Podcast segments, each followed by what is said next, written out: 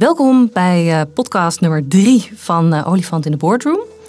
Um, vandaag is het onderwerp vertrouwen als begin van dialoog. Joost, je hebt hier een mooie, mooie case over. Um, ja, het uh, managementteam van een grote Europese levensmiddelenproducent krijgt een nieuwe directeur, Egbert. Met zijn ervaring in de, ehm, in de levensmiddelen ziet hij dat er een stevig fundament onder de strategie en missie staat. Maar om op de concurrenten voor te blijven is er echt een versnelling nodig. Hij roept zijn MT bijeen voor een offsite om alvast de eerste contouren voor een strategie van versnelling te schetsen. Hij zegt, ook in de wereld van prijsvechters is investeren in e-commerce cruciaal om te blijven overleven. Maar kan ons logistieke model dit wel aan? vraagt George, de supply chain directeur. Dit betekent grote investeringen waar onze aandeelhouders niet blij mee zullen zijn, reageert Alfons, de financieel directeur. Egbert vervolgt, ja, maar we moeten nu investeren in de toekomst van het bedrijf en daarom moeten we ons oor te luisteren leggen bij de mensen die in die toekomst op onze plekken zitten. Er ontstaat weerstand. Maar hebben ze wel de nodige ervaring en het inzicht om op strategisch niveau mee te denken, vraagt Alfons aan de grond. En zullen ze zich wel vrij voelen om kritisch te zijn? Egbert, juist om die reden moet het MT hier helemaal niet bij aanwezig zijn. Pas dan geven we onze jonge talenten het vertrouwen om in alle openheid en veiligheid met elkaar de dialoog aan te gaan. Laten we het lef hebben om los te laten, te vertrouwen en ons te laten verrassen. Dit is trouwens ook voor mij voor het eerst, zei Egbert. Het idee om een geselecteerde groep talentvolle millennials binnen het bedrijf voor een offsite bijeen te roepen is geboren. HR gaat aan de slag met het uitnodigen van een zeer gevarieerde groep van kantoorpersoneel tot medewerkers eh, in het buitenland. En de eerste sessie wordt beschouwd als een pilot. Deze offsite is een groot succes. Voor het eerst wordt de jonge generatie van het bedrijf openlijk gevraagd wat ze ervan vinden. Waar het bedrijf vandaag staat, naartoe moet bewegen in de komende jaren, etc.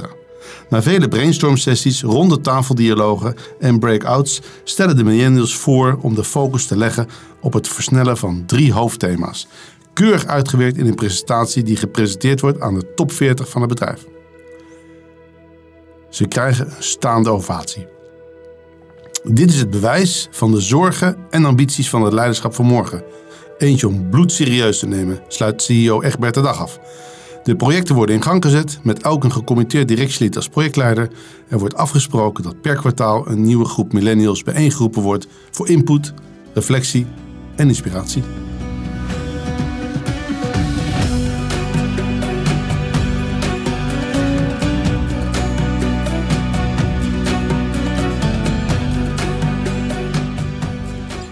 Dank Joost voor dit mooie, mooie voorbeeld om uh, deze derde aflevering uh, in te leiden. Uh, we zitten hier vandaag met Michael Batelaan en Joost Manasse over hoe vertrouwen het begin van de dialoog is. Michael groeide op in management consultancy en werd medeoprichter en bestuurder van een innovatief duurzaam bedrijf. En zijn focus ligt op innovatie en ondernemerschap. Welkom.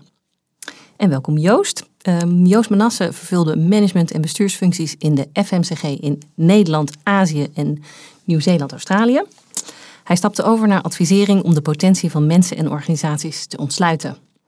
Mijn naam is uh, Juliette Streng en met een achtergrond als economisch psycholoog ben ik het bedrijfsleven ingerold en ik adviseer leiders op het gebied van persoonlijke ontwikkeling. Goed, ik ga jullie een aantal vragen stellen. Joost, heb je wel eens het vliegwiel van een organisatie aanzien gaan door middel van de dialoog? En zo ja, wat gebeurde er? Ja, dat is grappig dat je het zegt. Dat vliegwiel zeker heb ik zien, uh, zien aangaan. En, en wanneer gebeurde dat? Eigenlijk op het moment dat je uh, met een managementteam uh, in de dialoog ingaat van hoe kunnen we een aantal problemen die we zien, hoe kunnen we de oplossing daarvan ehm, realiseren en vervolgens dat gaan versnellen. En uh, het interessante was dat we eigenlijk al heel snel tot de conclusie waren gekomen dat als je daar meerdere mensen uiteindelijk bij betrekt, in dit geval was het top, uh, top 40 of top 50 van die organisatie, en daar dus uh, met elkaar een goede dialoog over aangaat, dat je die 40, 50 mensen, dat dat een soort kritische massa wordt om dat vliegwiel in werking te stellen. En ik hoef je niet te vertellen dat als één CEO dat vliegwiel probeert te laten draaien, of 50 mensen daar op dezelfde manier aan gaan draaien, dat dat laatste uh, veel sneller gaat. En dat is gebeurd uh, om eigenlijk die groep van 50 mensen uh, ja, vanuit dezelfde ambitie, vanuit dezelfde ja, stip op de horizon, ehm, vertrouwen en veiligheid creëren en daardoor de dialoog aan te gaan. En al die verschillende perspectieven leiden tot een heel mooi eh, ja, verhaal, wat uiteindelijk de vliegwel was om, eh, om dat ook succesvol te implementeren. Hey, en Joost, wat is het verschil tussen een dialoog, een debat en een discussie? Ja, dat zou ik eigenlijk aan Michael willen vragen, want uh, die kan dat altijd zo mooi onder woorden brengen. Nou, over naar Michael. wat, wat is in jouw ogen het verschil tussen die uh, gespreksvormen? Nou, kijk, een, een debat, dat is, uh, je, hebt een, je hebt een stelling en die ga je tot, tot, tot in de treuren ga je die verdedigen. Ehm, nou, dat is leuk. Dat kan vermakelijk zijn. Dat kan ook wel iets laten zien wie er kwaliteiten heeft als spreker. Maar je brengt de oplossing meestal niet dichterbij. En um, bij een discussie gaat het al iets informeler toe. Dan kan je al iets meer doen om zelf ook wat wijzer te worden van een discussie met iemand over een onderwerp. Maar dat is toch vaak niet heel doelgericht. Een dialoog is echt je openstellen voor de ander. En uh, luisteren en kijken of je wijzer van elkaar kan worden. En, en nog mooier, uh, allebei uiteindelijk op een uitkomst uit te komen die je geen van beiden van tevoren in je hoofd had. Hey, en welke dialoog heeft jou een nieuw perspectief gebracht op een taai probleem? Nou, het grappige is eigenlijk dat we um, al tien jaar, denk ik, werken uh, op, een, op een manier uh, die heel veel dialoog op gang brengt. Hè. We proberen bij problemen in het bedrijfsleven die dialoog op gang te brengen. En eigenlijk hadden we dat misschien de eerste jaren zelf nog niet eens zozeer door, totdat we eens een keertje intern zeiden, ja, wat, wat onderscheidt ons nou eigenlijk? En toen zei de junior consultant, dialoog. dus eigenlijk kwamen we er via de dialoog achter dat we eigenlijk iets heel waardevols te pakken hadden. Hm. Hey, en wat zijn dan de voorwaarden voor zo'n dialoog? Dus Joost noemt er net al eentje. Wat, wat zou je willen aanvullen, Michael? Nou ja, dat, kijk, het is natuurlijk leuk om te brainstormen over iets nieuws. En daar zit iedereen heel relaxed bij. Maar als het wat spannender wordt, als het gaat over een echt serieus probleem wat we met elkaar hebben. Uh, dan uh, is het helemaal niet vanzelfsprekend dat iedereen zomaar die dialoog aangaat. Dus uh, heel belangrijk is dat je begint met het creëren van veiligheid en vertrouwen om met elkaar dat gesprek aan te gaan. En dat kan best lang duren, want als in een maatschap uh, twee partners uh, al, al tien jaar lang met elkaar ruzie hebben, ja, dan kan je niet verwachten dat ze even in een kwartiertje zeggen: Oh nee, prima, gaan we open gesprek aan. Dat kan wel weken duren. Uh, en dan moet je ze soms ook over de drempel helpen. we hadden eens een keer in zo'n geval kregen we een pareltje aangereikt doordat een klant eigenlijk zelf aangaf van ja, ik vind het een goed bureau, maar die twee partners die kunnen niet met elkaar door één deur. En dat bracht eigenlijk een eye-opener voor deze twee om toch een keertje te gaan zitten en te zeggen, ja, als onze klant hier last van hebben, is het helemaal te gek. Uh, en ja, vertrouwen in het proces is belangrijk en daarin speelt de facilitator een enorm belangrijke rol. Als je, als je die dialoog in goede banen wil leiden, dan moet je eerst zorgen dat er vertrouwen en veiligheid wordt gecreëerd. Maar misschien ook wel mooi maken, want ik vind het, wij hebben dat natuurlijk zelf ook ervaren toen wij met z'n drieën begonnen. De transformatiegroep. Ja, we kennen elkaar eigenlijk ook niet. Um, en als je dan nu terugkijkt, dan denk ik dat wij ook wel in staat zijn geweest om die echte dialoog met elkaar te voeren.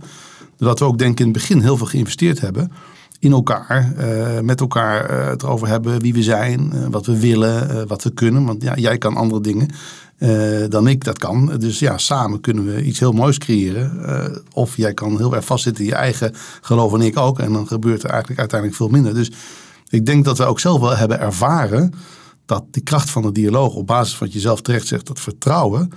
En dat vertrouwen, daar heb je tijd voor nodig om dat te, te, te creëren. Maar op het moment dat het er is, en je blijft erin investeren, dan, dan kan je die dialoog voeren. En dan kan je ook echt de complexe problemen die wij ook hebben ervaren, uh, die kan je nou echt gewoon uh, ja, het hoofd bieden. En daar ook meestal wel heel goed uitkomen. Ja, nee, absoluut. Als, als, als ik jou niet zou vertrouwen, uh, dan ga ik op mijn woorden letten. Ja. Want dan word ik er misschien ooit een keer op gepakt. Als ik jou wel vertrouw, dan, dan heb ik daar helemaal geen last van. Dan leg ik op tafel waar ik aan denk. En uh, dan, dan, dan krijg je dus een veel opener gesprek. Ja. Nou, en ik denk ook daarin, en als ik dan even spreek voor, voor mezelf, dat er ook een bepaalde uh, uh, mate van, van gunnen in voorkomt. Gunnen in de zin van, weet je, ik vind het mooi dat jij dit zegt. Ik vind het ook mooi dat jij op deze manier hier naar kijkt. dus het, ook de ander de ruimte gunnen en ook de perspectief gunnen en misschien ook wel de oplossing gunnen. omdat je als, als ja, met z'n drieën daar gewoon uh, uh, beter van wordt. En uiteindelijk de organisatie beter wordt. En jezelf er ook gewoon veel meer lol in hebt. Zeker. En, en, en dat, dat maakt denk ik dat, dat teams waarin vertrouwen heerst uh, hele effectieve teams kunnen zijn. En tegelijkertijd dat als een team in de problemen zit, dat vertrouwen de essentiële sleutel is om dat te openen. En ja, dan, dan, dan gun je elkaar juist niks. En dan luister je misschien ook niet goed naar elkaar. En als je dat niet doorbreekt, dan, dan krijg je dat team nooit, nooit meer op de rit.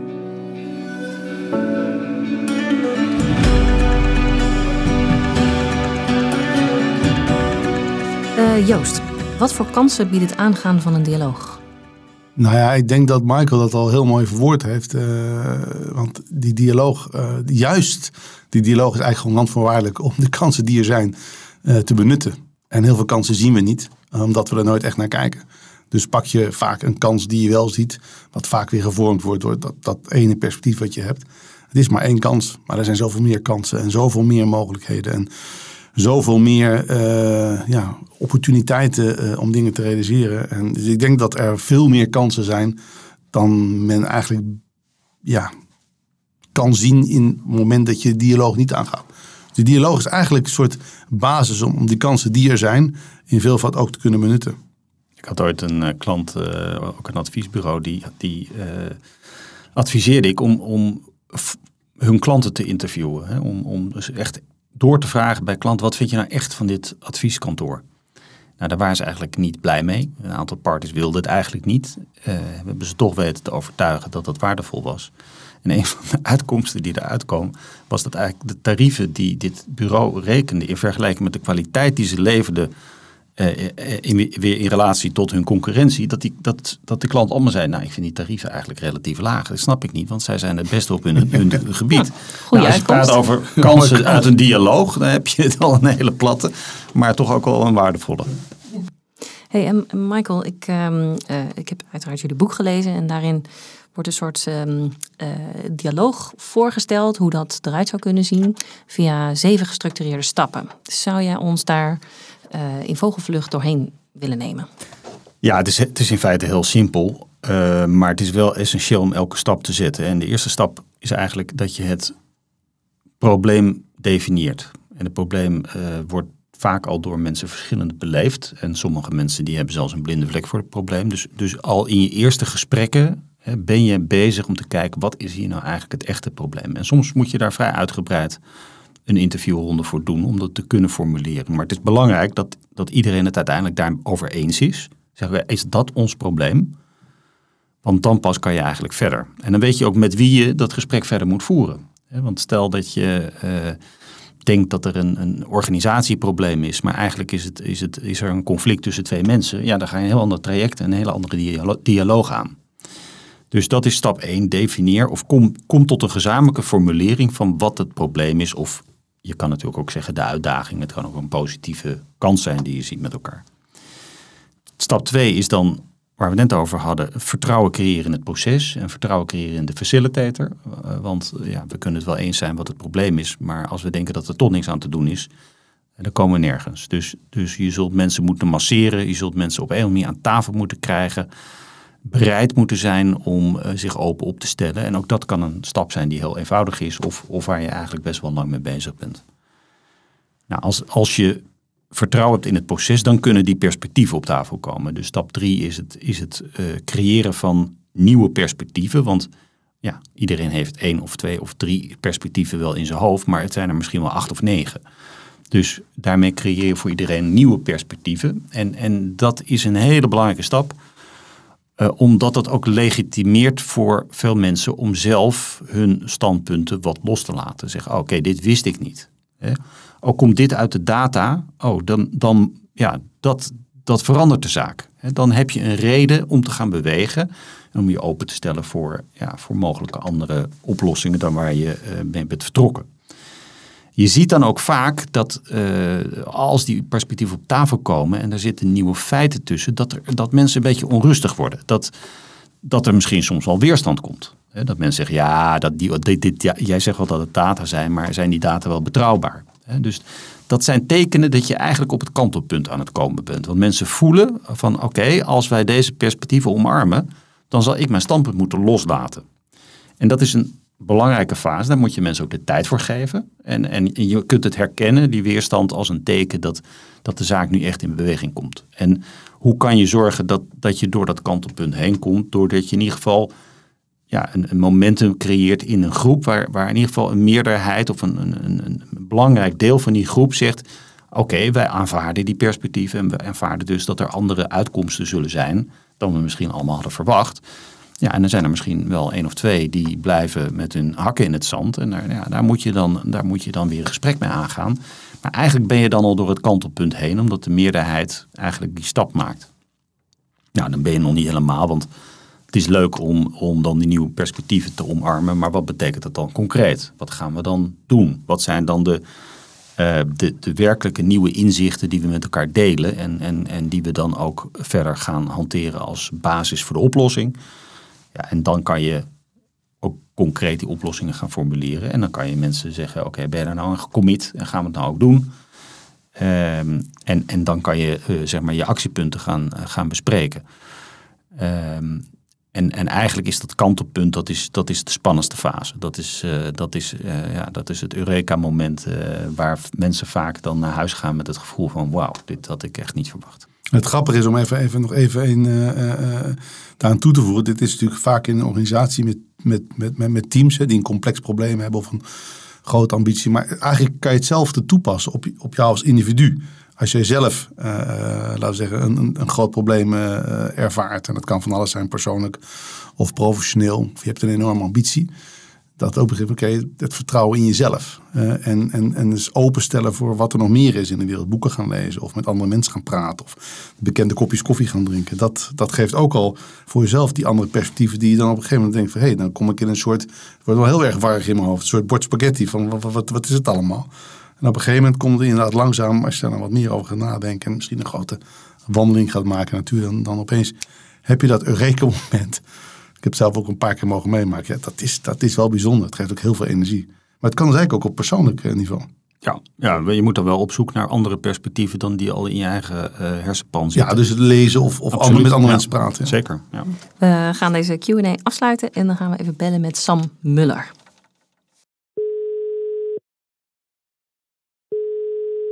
Hoi, goeie, goedemorgen Sam. Goedemorgen. Fijn dat je even uh, in wil bellen. Uh, wij spreken vandaag met uh, Sam Muller. Hij is de founder van uh, HIL. Het is een NGO die zich bezighoudt om justice wereldwijd toegankelijk te maken voor de burger. Sam zit in de internationale supervisory board van de WFF. En gevraagd aan Dirk en Michael um, werd over jou gezegd dat je een ware wereldverbeteraar bent en een in en in goed mens. Die mag je in je zak steken. Wow. Fijn dat je even, dat je even aan wil sluiten. En um, uh, ja, mijn eerste vraag aan jou is: uh, dus vertrouwen en veiligheid creëren is de kern van ons boek. Zou je willen toelichten in welke mate die belangrijk zijn bij de landen en de organisaties waarmee jij werkt? Ja, dat is een, een goede vraag. Um, eigenlijk toen ik daarover nadacht, als ik daar zo'n beetje over nadenk, dan denk ik, ja, vertrouwen is eigenlijk de kern van, van justice uh, en, en van, het, van het, uh, het zoeken naar rechtvaardige oplossingen. Ja, als, je, als, je een, als je een justice geschil hebt, als je een geschil hebt waar je uh, zelf niet helemaal uitkomt, dan, dan is er vaak vertrouwen geschonden. Mm -hmm. En heb je heel erg vertrouwen nodig om het weer te herstellen. En dus het zit, het zit echt in de, in de diepe kern van, van, van, van wat, ik, wat ik dagelijks doe. Um, uh, en een van de dingen die wij wel vaak zeggen is dat mensen uh, wereldwijd uh, te weinig vertrouwen hebben in, in het rechtssysteem, in, in de procedures, in, in de mate waarin ze geholpen kunnen worden om, om een oplossing te vinden voor hun, voor hun probleem. of dat nou bij de rechter is of, of op een andere manier buiten het rechtssysteem. Um, en, en dat we dat eigenlijk veel beter, veel beter moeten doen. En dat blijkt ook wel, want een van de dingen die ik heel interessant vind van de. Uh, als je een beetje kijkt naar de COVID-data, dus, dus landen met veel vertrouwenskapitaal, of snel rijk of arm zijn, die doen het relatief goed in, in, in crisis.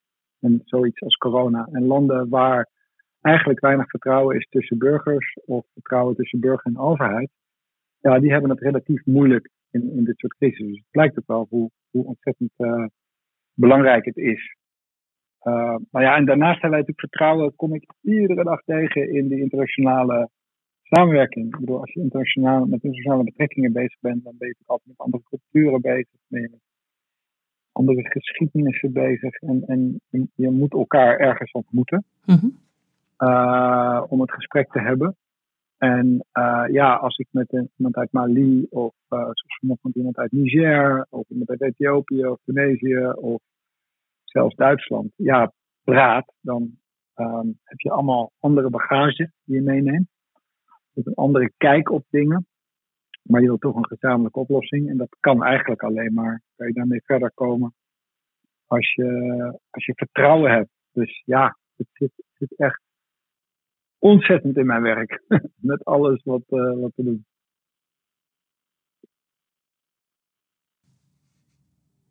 En Sam, als jij met uh, verschillende culturen te maken hebt, je zegt zelf al, er zijn samenlevingen die uh, ja, high trust zijn en er zijn samenlevingen die low trust zijn.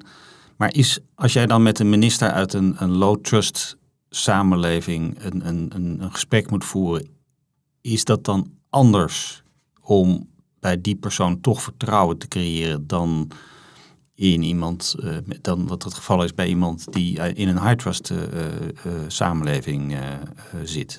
Kun je daar iets over vertellen? Ja, dat is een goede. Um, dat, is, dat, is, dat, is, dat is zeker anders. Um, en ik zit even te kijken waarom, waar, waarom dat in zit. Kijk, überhaupt in internationale betrekkingen uh, is natuurlijk een van de dingen die super belangrijk zijn, uh, is dat je, uh, en dat is misschien ook een advies aan, aan leiders, hè, je moet tijd nemen voor vertrouwen. En dat hebben we natuurlijk in, in corona heel erg gemerkt. Als je, als je met je team iedere dag op Zoom bij elkaar komt en heel zakelijk je meetings hebt en dat anderhalf jaar doet, dan, dan erodeert ergens wel vertrouwen, denk ik, in zo'n team. En zo is het ook met die leiders die ik ontmoet. Daar, daar, daar moet je tijd aan besteden. Um, aan de kleine dingen, de kleine signalen. Uh, dat je die opvangt. Um, uh, en ja, ik probeer er vooral, vooral zo, zo open mogelijk in te gaan. Dus, dus met veel mensen uit Afrika ben ik, en, en, eh, ben ik me heel erg bewust dat ik niet moet overkomen als, als de blanke man die een beetje arrogant zich gaat vertellen hoe het moet. Dat, dat werkt ook niet. Uh, dat we veel tijd nemen om, um, en dat is een van de belangrijke aspecten van onze methodologie, dat, dat we dus niet meteen naar solutions gaan. Dat we echt de tijd nemen om samen met die leiders uh, de uitdagingen, de dingen die er niet goed werken, in een veilige omgeving te bespreken. Uh, proberen de situatie te beschrijven waar we naartoe zouden willen. Hoe ziet die wereld er dan uit? En dan pas gaan praten over oplossingen en budgetten en strategieën en, en wie, wie, wat, wie wat zou moeten doen. Dus op die manier proberen we uh, dan, dan echt eerst, ja, soms zijn we wel drie maanden bezig uh, om, om alleen maar te werken aan vertrouwen, voordat we überhaupt echt toekomen aan, uh, aan het maken van een strategie of een, of een verbetering. En dat heeft vooral veel tijd nodig. Um, en wij gebruiken ook veel, uh, veel data. Dus dat is redelijk geobjectiveerde uh, informatie. Um, die we dan niet interpreteren, maar die we gewoon op tafel leggen. Van, nou, het lijkt erop dat dit wel problemen zijn. Herkennen jullie dat? Is dat iets wat jullie uh, eerder hebben tegengekomen? Verbaast jullie dat? beschrijven jullie dat? Nou ja, en op die manier proberen uh, om, om, om een goed gesprek hierover te hebben. Kijk, de, de, de wereld van het recht is een wereld van polemiek. Hè? Wij, wij worden getraind om to argue. Uh, en dat doen de meeste juristen ook. Wij worden getraind om posities in te nemen. En dat kom je natuurlijk heel erg tegen in, in ons veld. en dat proberen we op deze manier wel een beetje tegen te gaan. Dank. Nou, dank voor dit vlammende pleidooi. Volgens mij sluit het uh, helemaal aan uh, met hoe wij er ook naar kijken. Dus fijn dat we je even mochten bellen. En, uh, en dank voor je input voor deze aflevering. Graag gedaan. Jullie doen geweldig werk. Blijf dat doen. Super. Nou, insgelijks. Insgelijks. Dankjewel. Dank je, Sam. Oké. Okay. Dank je. Dag iedereen. Hoi.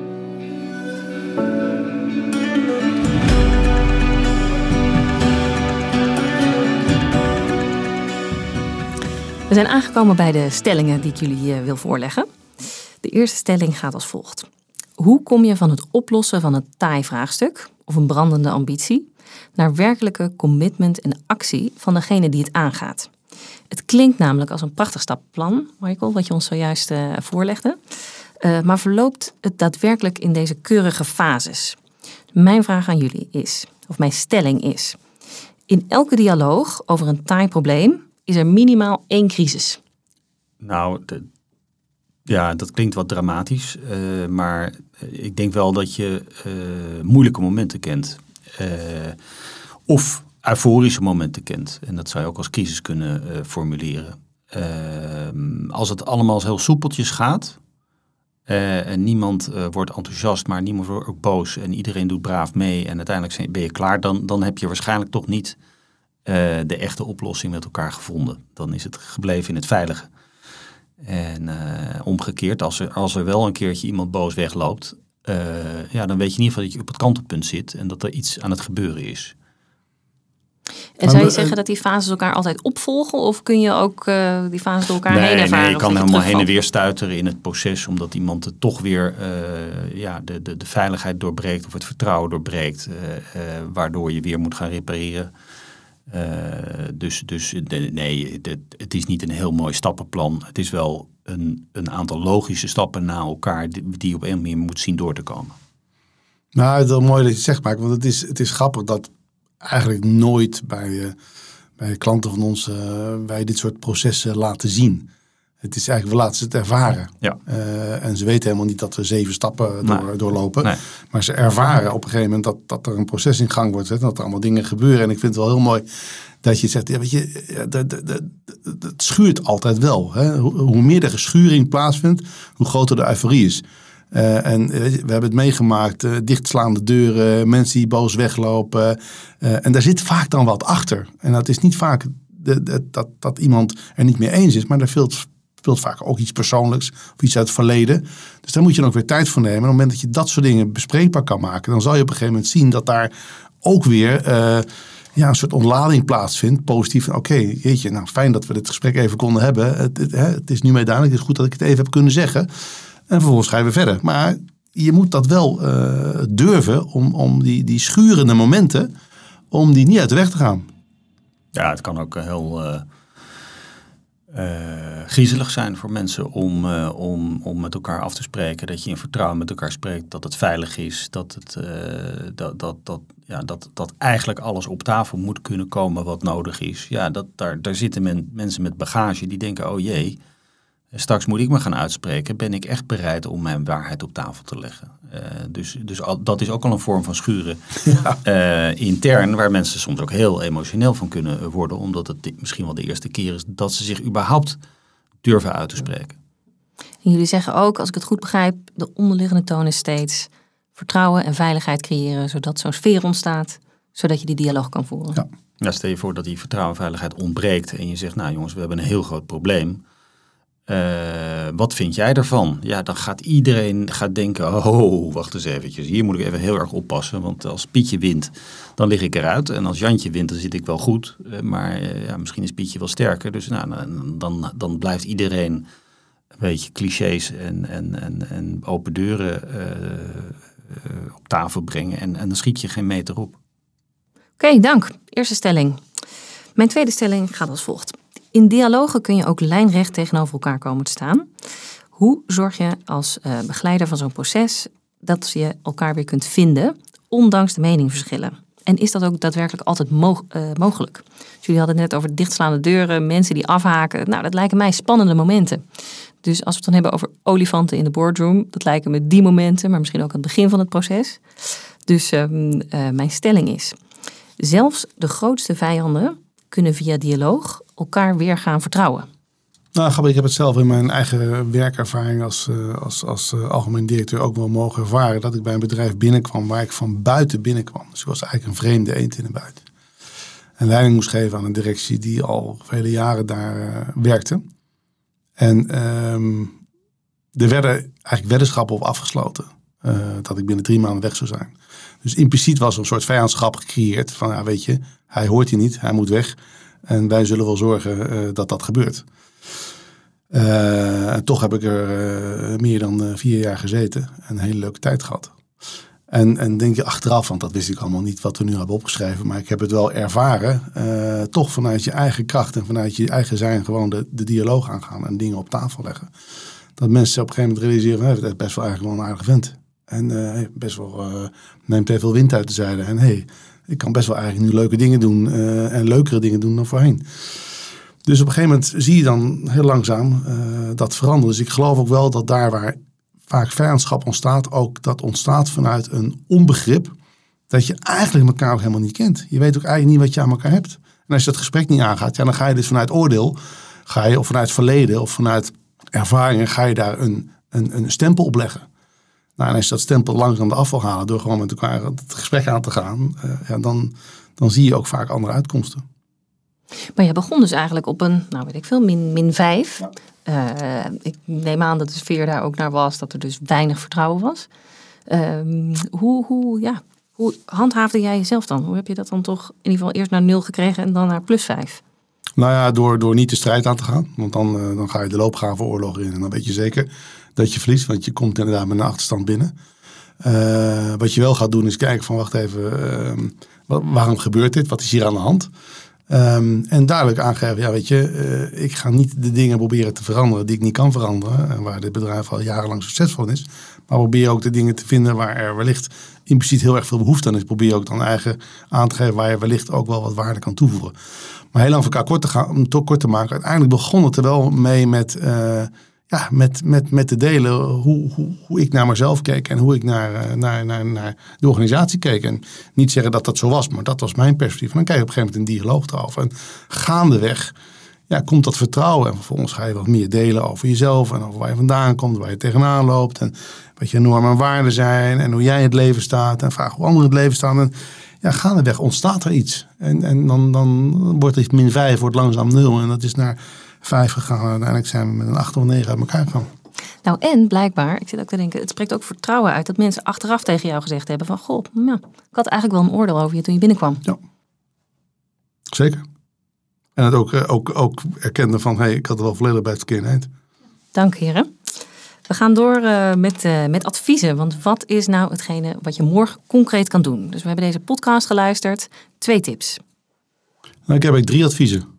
Doe maar. Niet één open vraag stellen, niet twee open vragen stellen, maar drie open vragen stellen. In een gesprek of in een dialoog. En je zal zien, dat ook uit ervaring, dat mensen zeggen, één open vraag kan ik wel stellen, maar dan gaan ze vervolgens weer zenden. Dus als je in staat bent om het gewoon eens in een gesprek met z'n tweeën, maar ook in een team, en iemands perspectief ligt op tafel, zo'n drie open vragen over stellen. Dus verder verdiepend gaan onderzoeken wat er nou, wat er nou is.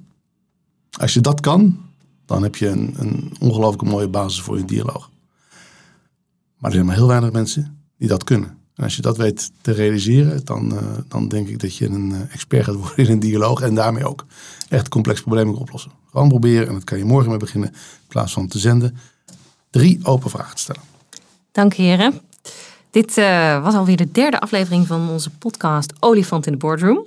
We hopen dat jullie veel inspiratie hebben opgedaan en we komen graag met jou in gesprek over de olifanten die jij ervaart in je eigen boardroom.